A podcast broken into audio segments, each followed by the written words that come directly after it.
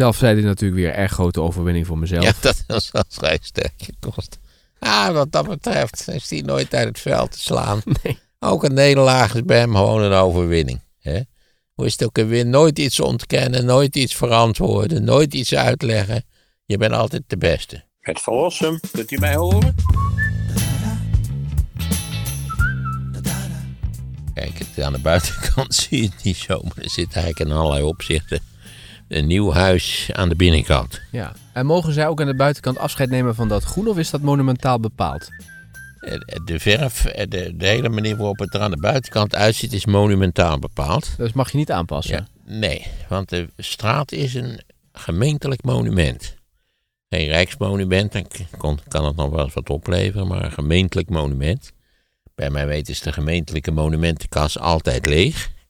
Maar je mag hier niet bijvoorbeeld zeggen, nou, die witte huizen van een eh, donderjaar, ik ga mijn huis groen verven of zo. Dat kan niet. We hebben wel eens aan de overkant een lichtblauw huis gehad, maar daar is weer een eind aan gemaakt. En je moet eigenlijk ook je, je houtwerk, moet eigenlijk geloof ik monumentengroen zijn, maar ja, je ziet dat het ook, dat donkerblauw, dat kan ook wel. Ik, het is ook best mogelijk dat dat donkerblauw ook, laten we zeggen, een overeenstemming is met hoe het was toen het gebouwd werd. Oh ja. Alles is hier gebouwd zo, zeg maar, begin 20e eeuw. Het interessante is, het is gebouwd voor, ik geloof, personeel van de NS en, en laten we zeggen, onderwijskrachten. Terwijl natuurlijk al lang niet meer eh, te kopen valt voor mensen van het middelmanagementniveau of, of eh, laat staan onderwijskrachten. Die kunnen hier niet meer wonen. Je moet hier eh, goed voorzien zijn van, van financiën of je moet eh, twee verdieners, wat de meeste mensen hier, denk ik, zijn. Ja. ja. Maar dus, dus wat nu volgens mij een beetje in zwang is, is dat je de kozijnen wat lichter schildert. Dat mag hier voor de duidelijkheid dus niet. Nee, volgens mij, of daar nou ook, ook toezicht op is, dat moet ik je zeggen, dat weet ik niet precies. Vaak zullen de Ons buren huis was al verbouwd, gemoderniseerd, om het maar even zo te zeggen, jammer genoeg overigens, in de jaren zestig, dus lang voordat wij er zijn gaan wonen. En ik heb bijvoorbeeld al tal van plaatsen aluminium kozijnen. Mag ik iedereen aluminium kozijnen ontraden? Doe dat niet. Ze schuiven slecht. eh, ze zijn, hoe heet dat? de wind waait er dwars doorheen. Het, het, het lijkt geweldig duurzaam natuurlijk, omdat aluminium niet roest, maar oké. Ik wou net zeggen, hout, dat, op een gegeven moment moet je dat vervangen, want dat, eh, dat slijt natuurlijk. Nou, als dat goed geverfd wordt, dan kan hout, eh, dat kan bar lang mee hoor. Ja? Ja, zeker. De schilder. We, we hebben ook her en der nog wel wat hout eh, in de ramen zitten. En de schilders zijn nog, ja, het was prima hout. Ik ben nog even vergeten wat voor hout het was, maar het was prima hout. Dus dat kan best eh, 200 jaar mee. Ja. Hey, en dan het is, kijk, huis is voornamelijk een kwestie van onderhoud. Onderhoud je de boel goed, dan staat het er over 100 jaar nog wel. ja, dat ben ik met je onderhoud je het niet, dan is het, eh, kan het in een half eeuw gepiept zijn met zo'n straat. Ja, ja. Overigens, het verschil tussen gemeentelijk monument en rijksmonument is dat je bij een rijksmonument volgens mij ook één keer per jaar de deuren open moet stellen, toch? Om mensen binnen Dat te... zou ik niet weten, moet ik je zeggen. Dat Hm. durf ik je niet te zeggen. Moeten we even opzoeken. Maar dit zijn in ieder geval geen, geen rijksmonumenten, maar wel gemeentelijk monument. Je krijgt ook zo'n bordje. Wat je als gemeentelijk monumentenbordje, dat kan je aan de deur, de voordeur schroeven. Dat heb jij niet opgehangen, hè? Nee, ik zou niet weten waar het gebleven is, moet ik je zeggen. Hey, heb je weer een beetje hoop ehm, eh, voor Amerika? Ja, het was een enorm verrassende uitslag in allerlei opzichten natuurlijk. Eh, de, de rode tsunami die ons voorspeld was. En waardoor je denkt, oh jee, oh jee, oh jee. Dit is het begin van het einde voor de Amerikaanse democratie. Heeft zich helemaal niet voorgedaan. En eigenlijk kun je daarvan zeggen eh, dat het, eh, even afgezien van twee afwijkingen waar we het even over moeten hebben, dat het een heel normale midterms uitslag was, of zelfs niet echt heel normaal, omdat in de midterms de niet in het Witte Huis zittende partij flink zou moeten winnen. Dat hebben de Republikeinen eigenlijk niet gedaan. En dat lijkt toch veroorzaakt te zijn door twee zaken, namelijk de abortuskwestie, die toch electoraal een belangrijke rol lijkt te hebben gespeeld. En, en dat is misschien wel het meest hoopgevende, dat al die kandidaten die zeiden dat, dat Trump eh, eigenlijk had gewonnen en dat het hele systeem zo ondemocratisch was als de pest en de Big Steel en nou ja, Die hebben over de hele linie eh, harde klappen gekregen. Is er her en der wel eens één gekozen. Maar over de hele linie kun je zeggen dat het Trumpiaanse universum, om het maar zo te noemen, dat dat een hele lelijke tik heeft opgelopen. Eh, dat komt natuurlijk ook nog omdat de, de, de, de directe concurrent van Trump, de Santis in eh, Florida, spectaculair gewonnen heeft. Dat is eh, Trump denk ik ook rauw op het lijf gevallen, Ja. want hij begon meteen in de Santis uit te schelden. En Want hij is in de te race zeggen weer, hè? dat het een wiekling was en dat hij, dat hij allerlei geheimen kende en die zou hij wel eens gaan openen. Nou ja, het bekende Trumpiaanse, ongetwijfeld grotendeels zelf gefantaseerde eh, eh, idee of ideeën. Dus ja, het, het, is over de hele linie is het een betrekkelijk hoopvolle uitslag. Maar wacht even. Eh, eigenlijk is er nog geen uitslag natuurlijk. Een aantal races moet nog eh, beslist worden. En we krijgen in Georgia een zogenaamde run-off. Omdat je daar volgens de lokale gebruiken, volgens de lokale constitutie, moet dus de gekozen kandidaat, die moet meer dan de helft van de stemmen hebben gekregen. Dus dat gaan we nog even afwachten. Het lag dat te dicht bij elkaar, hè? Ja, dat lag heel erg dicht bij elkaar. Enkele tienduizenden stemmen op miljoenen uitgebrachte stemmen. Hoe dat gaat aflopen, weet ik niet. Het is nog steeds voordat we nu de vlag hijsen en zeggen, nou ja, en, de United States is back of zo. Nee, dat geloof ik nou ook weer niet.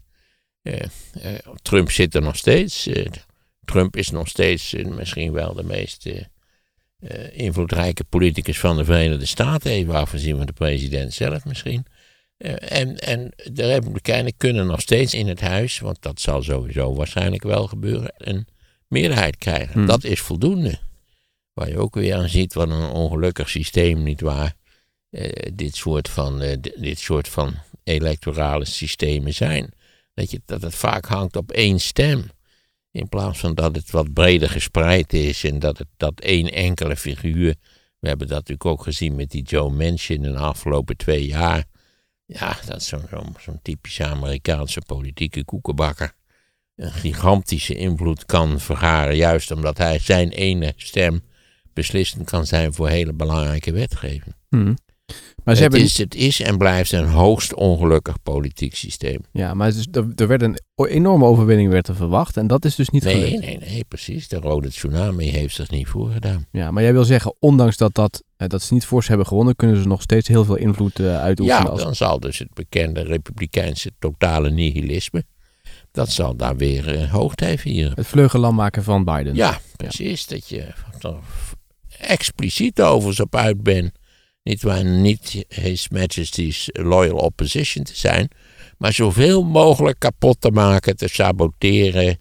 Vaak stemmen ze ook voor dat eh, de Democraten een Republikeins punt overnemen. Dan zijn ze zo erop gespitst om de Democraten in de wielen te rijden. dat ze tegen hun eigen oorspronkelijke punt zouden stemmen. Hm. Ja, dat, is de, dat, ligt, dat zit hem dus in die enorme polarisatie die zich daar heeft voorgedaan. En die voor een groot deel eh, het werk is van de Republikeinen. ja. Jij zei in een vorige podcast, zei je, de opkomst is traditioneel laag. Wat Ja. vond je nu van de opkomst? Ik weet niet precies wat de opkomst was, maar de, op, de midterms in, in 2018 waren al, eh, was de opkomst al voor Amerikaanse begrippen vrij hoog. Het zou me niet verbazen als het nu ook weer vrij hoog was. En het kan zijn dat veel democraten hebben gedacht van wij moeten nu wel naar die stembus toe gaan vanwege inderdaad dat op, zou abortus. een rol kunnen spelen, ja. De Democraten zijn in ieder geval behoorlijk naar de stembus gekomen. Nou, blijft het geval natuurlijk dat eh, er bij de midterms een wat ander electoraat opkomt dagen dan bij presidentiële verkiezingen. Wat is het verschil? Dat het wat ouder is, dat het wat blanker is, eh, dat het percentagegewijs wat minder is, Ja. minder minderheden. Biden bedankte de jongeren volgens mij in zijn speech. Van dat die vooral ook eh, naar Nou, de stem misschien hebben die zich dan nu deze keer van hun beste kant laten zien. In het algemeen zijn oude mensen zijn eh, trouwe stemmers en jonge mensen geven er niet veel om. Hm. Als bij de brexit jonge mensen gewoon normaal naar rato van hun percentage in de bevolking waren opkomen dagen, in plaats van in hun nest te blijven liggen, niet waar, dan had was de brexit afgestemd. Hm. Hm. Dus de, de jongeren hebben vooral ongetwijfeld zichzelf ernstig in de wielen gereden met het feit dat ze niet zijn gaan stemmen. Ja. Kijk, iedereen die niet gaat stemmen moet ook zijn mond houden over de democratie en dat het allemaal maar niks is en allemaal oplichters enzovoort. Hè. Als het je aangaat, dan moet je gaan stemmen. Hmm. Daar hebben we een democratie voor. Maar dat is dus nu gebeurd. Ook in Nederland trouwens komt 20% van het electoraat traditioneel ook bij parlementsverkiezingen niet opdagen. Ja, maar je zou kunnen zeggen, omdat dat abortus dus zo'n heikele kwestie en mensen hebben daar zo'n duidelijke mening over, ze hebben nu hun stem laten horen, ook die jongeren. Ja, en natuurlijk, die abortus, dat is, dat is ook statelijk verschillend. Er zijn staten waar, waar de abortus helemaal niet in het geding is en gewoon is toegestaan, zoals het was, het geval was. En er zijn staten waar het dreigde afgeschaft te worden. Ik zou maar zeggen, ik geloof in Pennsylvania, niet waar, waar de Democraten verrassend sterk eh, gewonnen hebben bij deze midterms. Daar zie je dus dat de Republikeinse kandidaten fel voor een abortusverbod waren. En ook eh, meededen met de, met de, de, de stiel van, van, van Trump. En die hebben dus verloren. Hm. Die twee kwesties, als die allebei in het geding waren, dan zie je dus dat de Democraten goed gescoord hebben. Ja. Maar staat het er dan dra- minder dramatisch voor dan dat jij eerder hebt geschetst? Eh, Dat, ja, dat denk ik wel. Dat we zeggen met name dat die, die laten we zeggen, dat Trumpiaanse nihilisme is niet bevestigd door de kiezers. Ja. Het, ik geloof dat iedereen het erover eens was dat, dat Trump toch wel een blauwe oog geslagen is bij deze midterms. ja. Jammer genoeg niet twee blauwe ogen, dat zou goed zijn uitgekomen. Murdoch had volgens mij een post in de, in de New York Post, is volgens mij een van zijn eh, bladen die hij uitgeeft. En daar was volgens mij Trump als een ballonnetje eh, weergegeven die langzaam leegloopt. Ja, ik begreep dat, hoe heet het, Fox ook eigenlijk meer in de Santis ziet. Overigens ook een ontzettende schurk wat mij betreft dan in Trump. Maar misschien een iets, ietsje betrouwbaarder schurk dan, dan Trump Ja. En die is in de race, hè? want die heeft gezegd, ik ga... Ja, ja, ja, dat ziet er, ziet er wel naar uit natuurlijk. Maar Ja. dan moeten we afwachten. Er zijn voorverkiezingen. Die moet hij dan eerst nog wel winnen natuurlijk. Ja, oké, maar daar, hoe schat je zijn kansen daarin? Geen idee. Hm. Geen idee. Ik bedoel, ik ben, ik ben les nogal genezen van het idee dat ik de toekomst voortreffelijk kan voorspellen sinds Poetin mij wat dat, dat betreft de kijk gezet heeft. Eh, je kunt er, in politiek kun je eigenlijk bar weinig Ja. eh, voorspellen. Maar hij heeft in principe dezelfde ideeën. Hij is ook tegen de woke-gemeenschap, daar ageert hij heel duidelijk tegen. Eh, De Santis heeft vooral enorm effectief gescoord met, laten we zeggen, een, culturele, een cultureel behoudende boodschap, ja. Hè, dat, je scoort trouwens altijd geweldig met een cultureel behoudende boodschap. Dat doe je in Nederland net zo goed als dat je dat in de Verenigde Staten doet, omdat een grote meerderheid van de bevolking in feite op cultureel gebied eh, betrekkelijk traditioneel denkt en voelt. Ja. En hij presenteerde zich samen En met... al- als zich daar al veranderingen voltrekken, dan is dat in een betrekkelijk langzaam tempo. Dan heb je twintig jaar nodig om. Op zichzelf zie je wel dat de bevolking op een reeks van punten progressiever gaat denken. Maar het duurt wel even voordat dat eh, ingezakt is, zou ik Ja. maar zeggen. Maar laten we dan een ander punt bekijken. Het feit dat Trump... Inzak is niet het juiste woord, maar over naar beneden gezakt is, als het ware. Ja. Dat Trump zo hard om zich heen slaat, hè, als het over die de Santis gaat. Dat geeft toch al aan dat hij hem als een bedreiging ziet? Eh, Zonder twijfel, dat heeft hij al. Hij zag hem natuurlijk al als een bedreiging. En nu natuurlijk eh, de Santis zo dik gewonnen heeft in Florida, zal dat nog wel iets sterker het geval Ja. zijn. Ja, maar dan zou je dus een strijd kunnen krijgen tussen die twee in aanloop naar 2024. Dat zou kunnen. Dat weet ik ook niet. De Santis is een stukje jonger. Want ja, dat vergeet wat. Gek genoeg, we hebben het piepen altijd over, over, hoe heet het, over Biden. Die inderdaad van 42 is. Maar goed, laten we niet vergeten, Trump is van 46. Vier jaar maakt nou toch bo- dik boven de 70 ook weer niet zo heel Ja. veel uit, toch? Nou, hij oogt misschien wat energieker doordat hij niet grijs is. Ja, En dat- omdat hij zijn hele leven hamburgers heeft gegeten. Dat is het eigenlijk. Trump bedoel je? Ja, Dat hij zo dik is. nou dik, het, hij, is, hij, is, hij maakt een solide indruk, laat ik het, laat ik het zo zeggen. Ja, en hij, is- hij heeft er altijd eh, veel werk van gemaakt om uit te leggen hoe ongezond hij eet. En ik moet zeggen, ik, je weet dat ik werk niets van Trump moet hebben, maar op dit punt heb ik wel sympathie voor hem. Ja. Dat eeuwige gezeik over gezond eten, joh, daar word je toch ook knettergek van. Eh, de hele televisie, die, die, je kunt dat ding niet aanzetten of er zit weer iemand te lullen over gezond eten. Waardoor je tenslotte denkt, ik eet alleen nog maar bitterballen, kroketten, vette andere hapjes. Maar je zou van een wetenschapper zoals jij toch wel misschien verstandigere taal verwachten. Die zich daarin verdiept Ja, heeft. dat ben ik helemaal met je eens. Maar tenslotte wordt het gewoon te veel. Dat is het eigenlijk. Het kookt over. Hè? Ja, maar jij verdiept je toch ook in wat broccoli doet met je lichaam en wat een bitterbal daarmee Ik moet je zeggen dat ik, ik ben altijd een groot broccoli-liefhebber geweest. Eh, anders dan veel kinderen bijvoorbeeld. Eh, en ik deed mij veel genoegen te lezen dat broccoli ook enorm gezond is. Super, superfood Idem dito eh, frambozen. Ja. Daar ben ik ook al dol op geweest. En eh, tot mijn verrassing bleek dat het gezondste zijn wat je kon Ja, eten. en, en Maar het eeuwige gezeur over gezondheid in brede zin, geestelijke gezondheid, maar heet het, fysieke gezondheid, daar word je toch ook wel eens een beetje iboe van. hè? Ja. Bedoel, we zijn nog nooit nog gezonder geweest in de geschiedenis dan we op dit moment met z'n allen zijn. En, dan, en dat zeikt, maar ook, het is ook, het heeft iets te maken met de, volgens mij het feit dat ontzettend veel mensen zich eigenlijk vervelen en niet precies weten wat ze met hun leven aan moeten. Waardoor ze dan zich gaan concentreren, obsessief gaan concentreren op gezond eten of lekker eten. Of nou ja, op het hele eten. Eten is een onderdeel van het leven. Dat, het is ook zaak dat je iets eet wat je niet al te smerig vindt. Maar hou op met dat eeuwige gezeik. Al die kranten en tijdschriften met gigantische kookrubrieken. Wat is dat voor onzin? Eh, Het geeft ook de rijkdom natuurlijk wel aan in Nederland. Dat we ons daar de zo rijkdommen en het feit dat we allemaal ontzettend veel tijd hebben om te verdoen aan zaken die er niet wezenlijk toe doen. Ja. Er zijn ook mensen die hebben hun werk hiervan gemaakt. Hè? Die hebben dan op Instagram of ergens anders hebben ze een website. Ja, zeker. Je kunt er goed mee scoren. Hè? Of denk aan al die flauwekul van die, van die hoe heet het, van de, de opmakenindustrie, hoe heet dat? eh? Nikki Tutorials. Ja, dat werk. Ja, die dus filmpjes maakt hoe je het beste kunt opmaken. Ja, Ja, die is een enorme dat je hit. ook denkt, mag ik ook de, de- ja, ik heb er niks mee te maken natuurlijk, maar als ik dat toch advies mag geven aan dames, doe het niet. U doet, u doet zichzelf in het algemeen helemaal geen voordeel mee met die verf erop smeren. Hou het, hou het, wat mij betreft, doe het helemaal niet. Eh, u, u maakt zich ook niet jonger, want dat ziet toch iedereen hoe oud u bent. Dus u moet ook verf uw haar ook niet. Lekker, hè? om daar nou maar eens even. Nou, er zijn toch sommige dames, dan zie je toch wel soms, eh, dan hebben ze geen make-up dag en dan zie je wel het verschil. Ja, maar ik zie ze liever zonder dan met. Oké. Patty Bart Sowieso. Ik zie ze sowieso liever zonder dan met.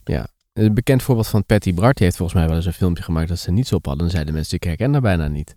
Nou, prima deluxe. ja, ik, ik, het, het, het zijn van die dingen waarvan ik, ik begrijp het gewoon vaak niet. Vrouwen die zichzelf idioot opverven. Dat je denkt, waar is dit in Ja. godsnaam voor nodig? Ja. En dat de tijd die het kost, Hm. die je besteden kunt aan allerlei ontzettend leuke dingen. ja. Nou, wat dat betreft hebben we wel weer een klein linkje met, eh, Kijk, we met hebben weer zo'n gemotoriseerd eitje. ja, een heel klein autootje. Komt er langs. Trump die maakt zichzelf ook op, want die verft zichzelf oranje. Ja, ja, ja. Dat, dat oranje of hij. Het is geloof ik zonnebank eh, oranje. Zoiets dergelijks, ja. Ja, ook dat, en ook dat idiote haar van Trump natuurlijk. Ja.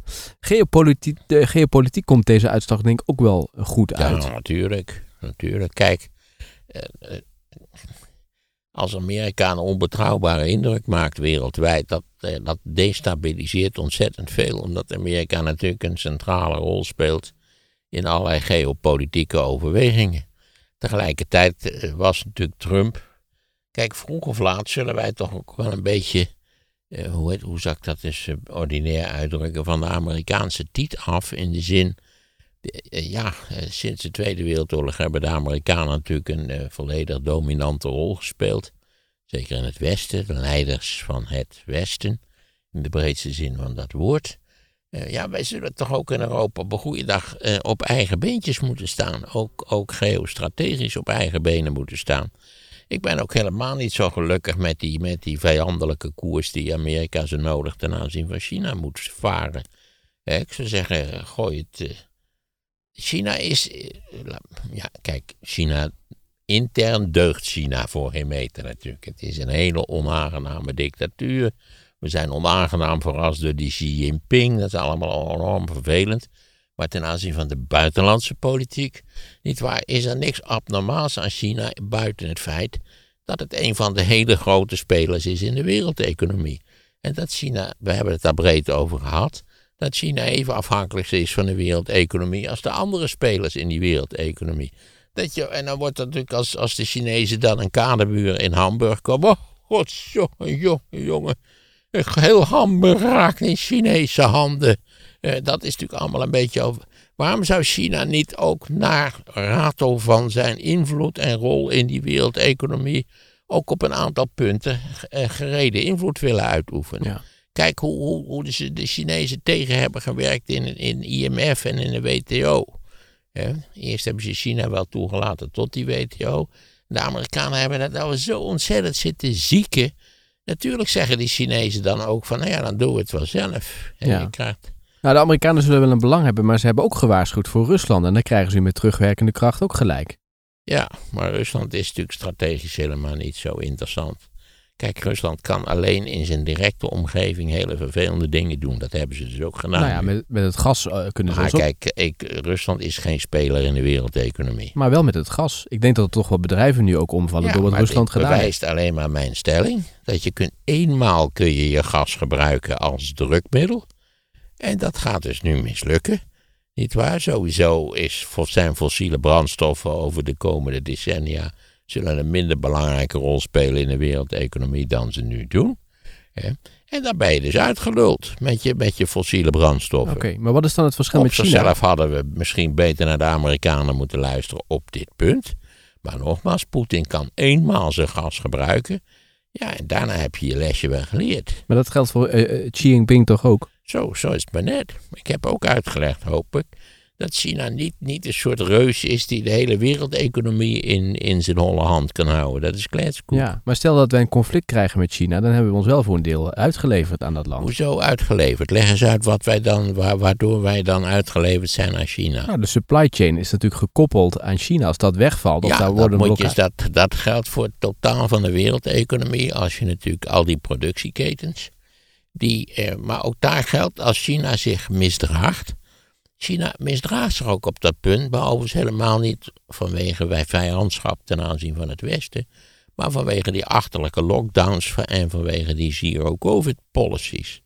Het tot een groot stuk in Economist heel interessant. Laat iedereen dat nog maar weer eens lezen dan dat China zichzelf op die manier enorm tekort doet, omdat Apple bijvoorbeeld bezig is om een deel van zijn productieketens naar India over Ja, te brengen. Ja, ja. begrijpelijk wel. Dus je kunt, je kunt altijd één keer kun je je invloed gebruiken, of zo je wilt misbruiken, maar dan is het ook klaar. Hmm, Dan zullen dus die lui zijn die daarvan afhankelijk zijn, zoals Apple, hmm. die natuurlijk al zijn producten eh, grootschalig buiten Amerika laat eh, fabriceren. Zij strijken de winsten op en eh, het wordt elders geproduceerd. Dus ja, maar goed, dan, dan moet je bezwaar maken tegen het hele idee van een, een functionerende wereldeconomie. Ja, ja. Want dan moet je zeggen, ja, ja, we vertrouwen de Chinezen niet, maar waarom zouden eigenlijk de Indiërs wel vertrouwen? En, en, en in principe is dan natuurlijk niemand te vertrouwen. Dan kun- moet je zelfs binnen de EU zeggen, maar stel nou voor dat, stel nou voor dat Spanje ineens de kont tegen de krip gooit. Wat, wat gaan we dan doen? ja. Ja. Nou ja, dan is er maar één conclusie voor dit soort van denken. Ik maar een soort van klein nationalistisch denken. Dat we alles weer terug moeten brengen in Nederland. Onze eigen schepen bouwen, onze eigen eh, geneesmiddelen produceren, onze eigen eh, eh, smartphones produceren. Ik ben benieuwd waar dat gaat gebeuren. Ja, waarschijnlijk een bos kopen of zo. Nee, dat is natuurlijk een onzinnig idee. ja. Maar we moeten ook. kijk, China is een commerciële concurrent. Hè, niet een machtspolitieke concurrent, omdat we allemaal afhankelijk zijn van die wereldeconomie. Hmm. Dat we op een aantal punten geleerd hebben dat dat. Kijk, ook ten aanzien van de, de, de Indiase levering van medicijnen. Het blijkt voortdurend dat de boel daar smerig is, afgekeurd wordt, niet, niet. En dan krijg je dus tekorten. Met als goede reden natuurlijk, die zeggen van nou, misschien komen, we in Europa toch zorgen dat we dat eh, zelf eventueel kunnen opvangen. Hmm. Nee, we hebben een wereldeconomie. Ik denk dat die wereldeconomie grote economische voordelen met zich meebrengt. Maar dan moeten we dat onderling dus wel goed regelen. ja. Er zijn ook mensen die Kijk, vinden jou... als, en als mensen mis, misbruik maken van hun positie in de wereldeconomie, kunnen ze dat één keer doen en dan is het klaar. Ja. We hadden de vorige keer René, hè? die had dus die hele, die hele top 10 gemaakt. ja, allemaal- René was boos, zag ik op Twitter. Ja, René schrijft voor EW. En eh, die, nou, die, die vond, ja, ik vertaal het even in eigen woorden. Volgens mij, hij vond je naïef. Dat was wat hij een beetje zei. Zeker, ik word altijd voor naïef versleten. Ja, ik vind René erg naïef. ja, en René blijkt niks te begrijpen van de wereldeconomie. 0,0. hij schrijft wel voor een blad wat uh, het, constant het met hele economie idee bezig dat China bezig is om de, was het ook alweer, de wereldlogistiek over te nemen, kom op. Hmm. Hmm. Dat wil ik dan nog allemaal wel eens zien eerst. Oké, nou goed, jouw standpunt is in ieder geval helder. Ehm, eh, en er zijn En ik ben dus ook helemaal geen voorstander van het Amerikaanse standpunt op dit punt. Nee, maar ik kan me wel voorstellen je dat... hebt daar ook dat hele gedoe dat een oorlog tussen China en Amerika onvermijdelijk is. Houd toch in godsnaam op. Ik bedoel, voordat je het weet krijg je gelijk met dit soort van heilloze voorspellingen. Ja, Eh, en dan wordt er gezegd over Taiwan. Kijk eens, de Amerikanen hebben genoegzaam gewaarschuwd over Taiwan. ja, Namelijk dat zij Taiwan zullen verdedigen. Ik zou zeggen, dat moet toch genoeg zijn. ja. Hè, Voor China om niet daar iets te gaan doen, bedoel je? Zo is het. Als China dat idiote risico zou willen nemen, ja, dan moet ik zeggen, dan ben je klaar. Maar goed, dat zou betekenen dat geopolitiek de wereldbalans ingrijpend zou veranderen. Ja, maar daar zijn ze toch zelf wel heel stellig Omdat over. zij dat zullen verliezen op lange termijn. Ja. Ja. Er zijn 1300 miljoen Chinezen, ik weet het. Het is een hele vitale economie, ik weet het. Maar de werkelijke vitaliteit van de Chinese economie is nog steeds afhankelijk van buitenlandse bedrijven en buitenlandse investeerders. Ja, Niet van bijvoorbeeld Chinese staatsbedrijven. ja. Nog eventjes over Biden. Hij heeft gezegd, een goede dag voor de democratie. Ben je het daarmee eens? We het, ik wil het anders formuleren. De Amerikaanse democratie is een patiënt die in bed ligt. En die aan, aan, aan allemaal van die, van die koorden zit, weet je wel. eh, met, met die, die, eh, met zo- zo'n dingetje in je neus voor de zuurstof. En zo'n dingetje met zo'n zak waar, waar vocht, eh, geneeskundig vocht uit. Dus het kan nog alle kanten op. Ja. Eh, en nu, eh, ja, de, de patiënt had een hele goede dag. Misschien dat ook even het, dat dingetje uit de neus kan. maar is de patiënt ook alweer lekker op? En is de patiënt vitaal genoeg om beneden in het park te gaan wandelen? Nou, dat gaan we nog even afwachten. Oké, en wat ook nog wel interessant is, is Laten we zeggen, de patiënt is niet overleden en niet in coma geraakt. oké, wat wel verwacht was. Ja, vooral het, het coma, dat, was, dat, dat hoorde tot de mogelijkheden. Interessant is ook dat gematigde republikeinen nu hebben gezegd... Trump met zijn radicale ideeën en aanhang is de schuld van Ja, deze... nou, eh, kijk, dat is mooi natuurlijk om te horen. We zullen zien hoe dat gaat uitpakken. maar je krijgt nu een interne strijd als je dit zo ziet. Dat mag je hopen. Ze gaan elkaar de tent uitvechten daar. Ik mag het hopen. En dat hij dat dan eens gaat verliezen natuurlijk. Kijk, als hij nu geweldig gescoord had. Hè, of als zijn, zijn de door hem gekozen en geprefereerde kandidaten geweldig ge- gepresteerd hadden. Maar dat is godzijdank helemaal niet het geval geweest. Ja, die, die gematigde republikeinen die, die zeggen ook het is team crazy. En die hebben daar flink naar uitgehaald. Zo is het maar net. Ja. Team Crazy. Laat mag ik er wel- ja, die zijn er wel. Tot, op, tot op heden hebben we heel weinig gemerkt van die gematigde republikeinen natuurlijk. Maar dit is een, een nut. Het zijn nu in feite kiezers die gecorrigeerd hebben. Niet gematigde republikeinen. Die zijn er wel blij mee. Terecht zijn ze er blij mee. Maar ze hebben zich wel door Trump laten ringeloren Ja. in al die jaren. En maar we hadden graag laten ringeloren, nietwaar? Zo zijn we nu aan een aards-conservatief hoge rechtshof gekomen. Die lui zijn allemaal voor het leven benoemd. ja. Maar goed, wat die, wat die republikeinen natuurlijk ook nu gaan merken... is van, van dat Trump dat effect wellicht is uitgewerkt... en dat dat dus ook gevolgen heeft voor hen persoonlijk... want zij worden niet, niet gekozen. Nou, je mag het hopen.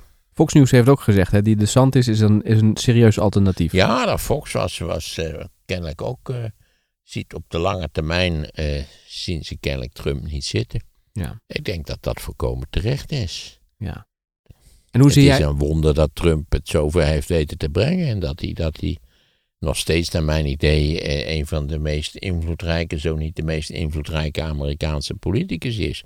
Een halve garen. Ja, Niet waar? Een structurele leugenaar. Een man en van een, van een hemeltergende incompetentie op bestuurlijk gebied. ja. Een zakenman van Jan Doedel. Die drie, vier keer totaal failliet gegaan is. Ja, die wel weer. En, dat die is, alleen door de Amerikaanse faillissementswetgeving op de been gehouden is. en wat hij wel fantastisch weer doet... is dat hij dus weer dat moment en de aandacht aangeeft om te zeggen... volgende week dan ga ik een grote aankondiging doen... Ja, ja hij is natuurlijk. eh, dat hebben we allemaal aan onszelf te danken. Dan moet je ook. Kijk, we hebben een, een media-industrie die, die kikt op dit soort van dingen. Ja, hij weet ook Eh, wel goed hoe het het moet heet niet voor bespelen. niks de drama-democratie. Hm. En ook, ook de- niet waar de natuurlijke hysterie die ingebouwd zit in de manier waarop onze media werken. Denk je Ja, dat, Dat dat is allemaal altijd het grootste, belangrijkste, nieuwste, ergste wat ooit gebeurd is. De diepste crisis die er ooit geweest is. Nou ja, dat, dat is onze, dat is onze media-industrie. Heel begrijpelijk, het is een competitief bedrijf.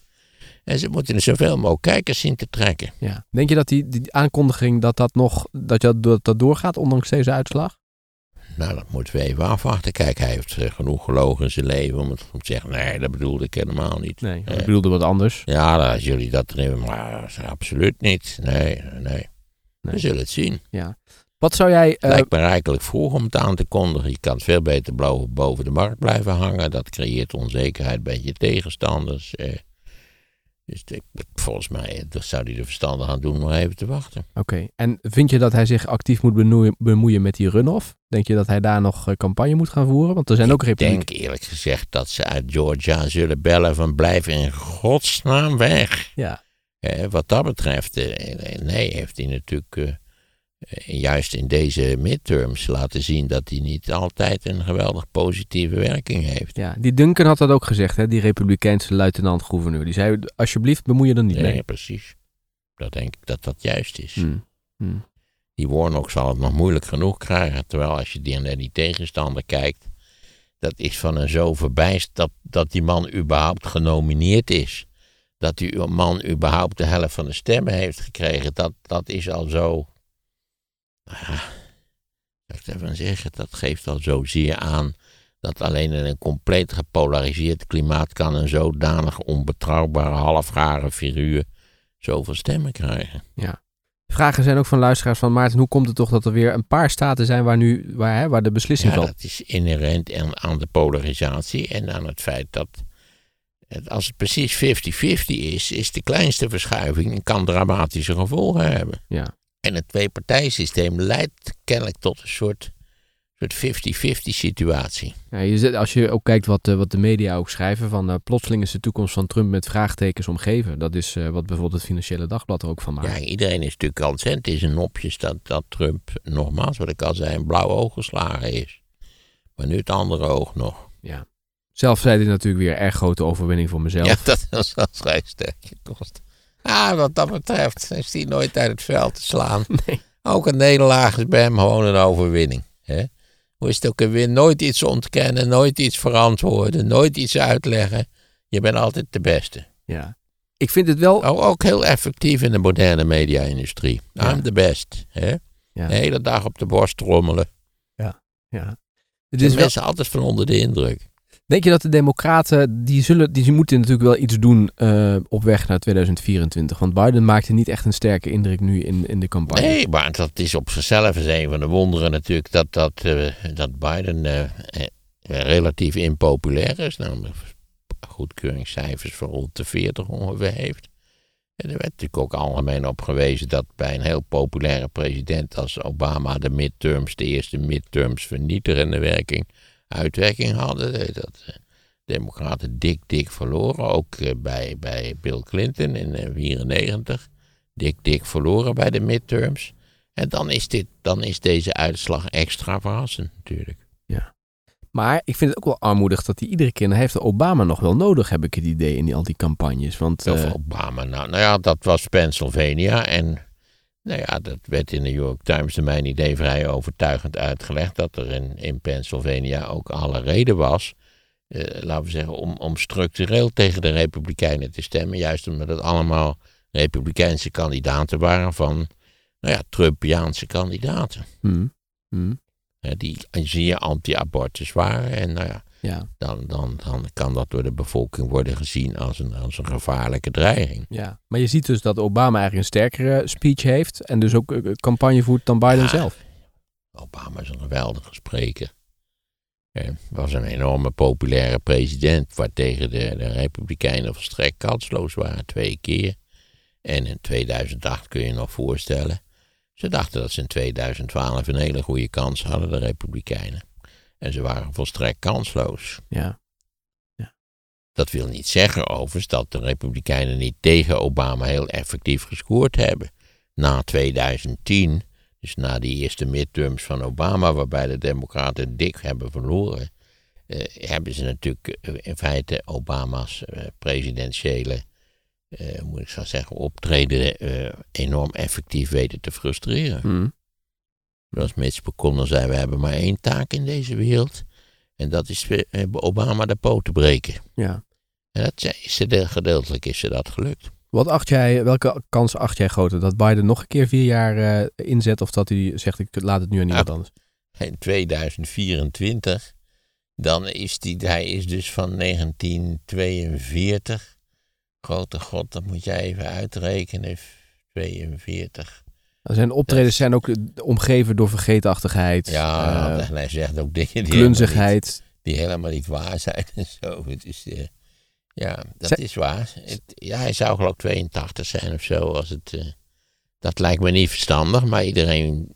Ja, je hebt nu al van die lijstjes. Wie zou redelijke democratische kandidaten Maar is zijn? het onderwerp van Nou, discussie, denk je? Daar val je niet van ondersteboven, eerlijk gezegd. Van die, Wat hoor je dan daar?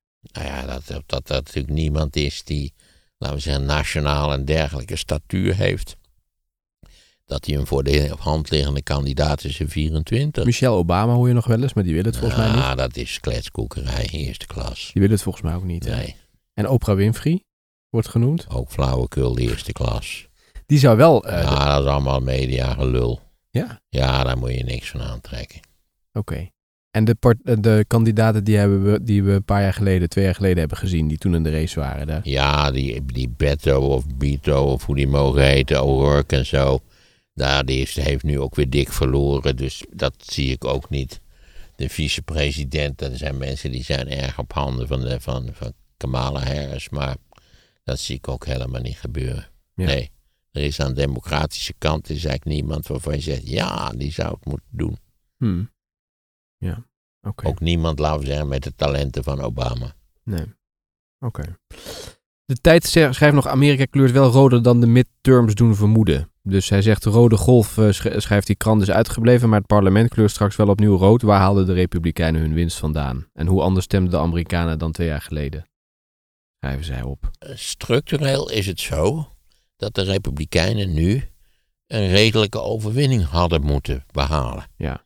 Maar zelfs die redelijke overwinning hebben ze niet behaald. Nee. Ze hebben als op zijn best een flinterdunne overwinning behaald. Dus even kijken wat, eh, of daar nog vragen over Op zijn. zichzelf demonstreren de Republikeinen het feit dat je totaal onredelijk kunt zijn. Dat je van alles een puinzooi kunt maken en toch, niet waar, een effectieve oppositiepartij kunt zijn. Ja. Er wordt, er wordt nog gevraagd inderdaad van hoe eh, kijk je aan tegen de, de ontwikkelingen in de staten. Bijvoorbeeld Texas is natuurlijk, eh, dat is nog steeds een republikeinse staat natuurlijk. Ja. Ja, daar werd ook wel voorspeld, al, al jarenlang eigenlijk, dat de geleidelijke eh, Texas geleidelijk aan democratischer zou worden. Tot op heden valt dat nogal mee. Aan de andere kant, ja, met name natuurlijk ook die, die Texaanse, het Texaanse statelijke parlement, dat is ook wel van aardsconservatief karakter. En die, die- ook die gouverneur, die deugt voor een meter. Maar ja, Texas draait economisch goed. Heeft- Door de olie. ja, onder andere heeft lagere belastingen dan Californië. Je hebt veel mensen die van Californië naar Texas verhuizen. De huizenprijzen zijn er veel lager dan in Californië. Dus Texas draait goed. En het is natuurlijk, ja, het is een reuzenstaat. Het is weer zo'n staat die te vergelijken is met een, met een middelgrote Europese natie natuurlijk. Idem dito Californië, dat nog steeds de, las ik nou gisteren, in feite de vijfde industriële mogendheid op dat planeet is.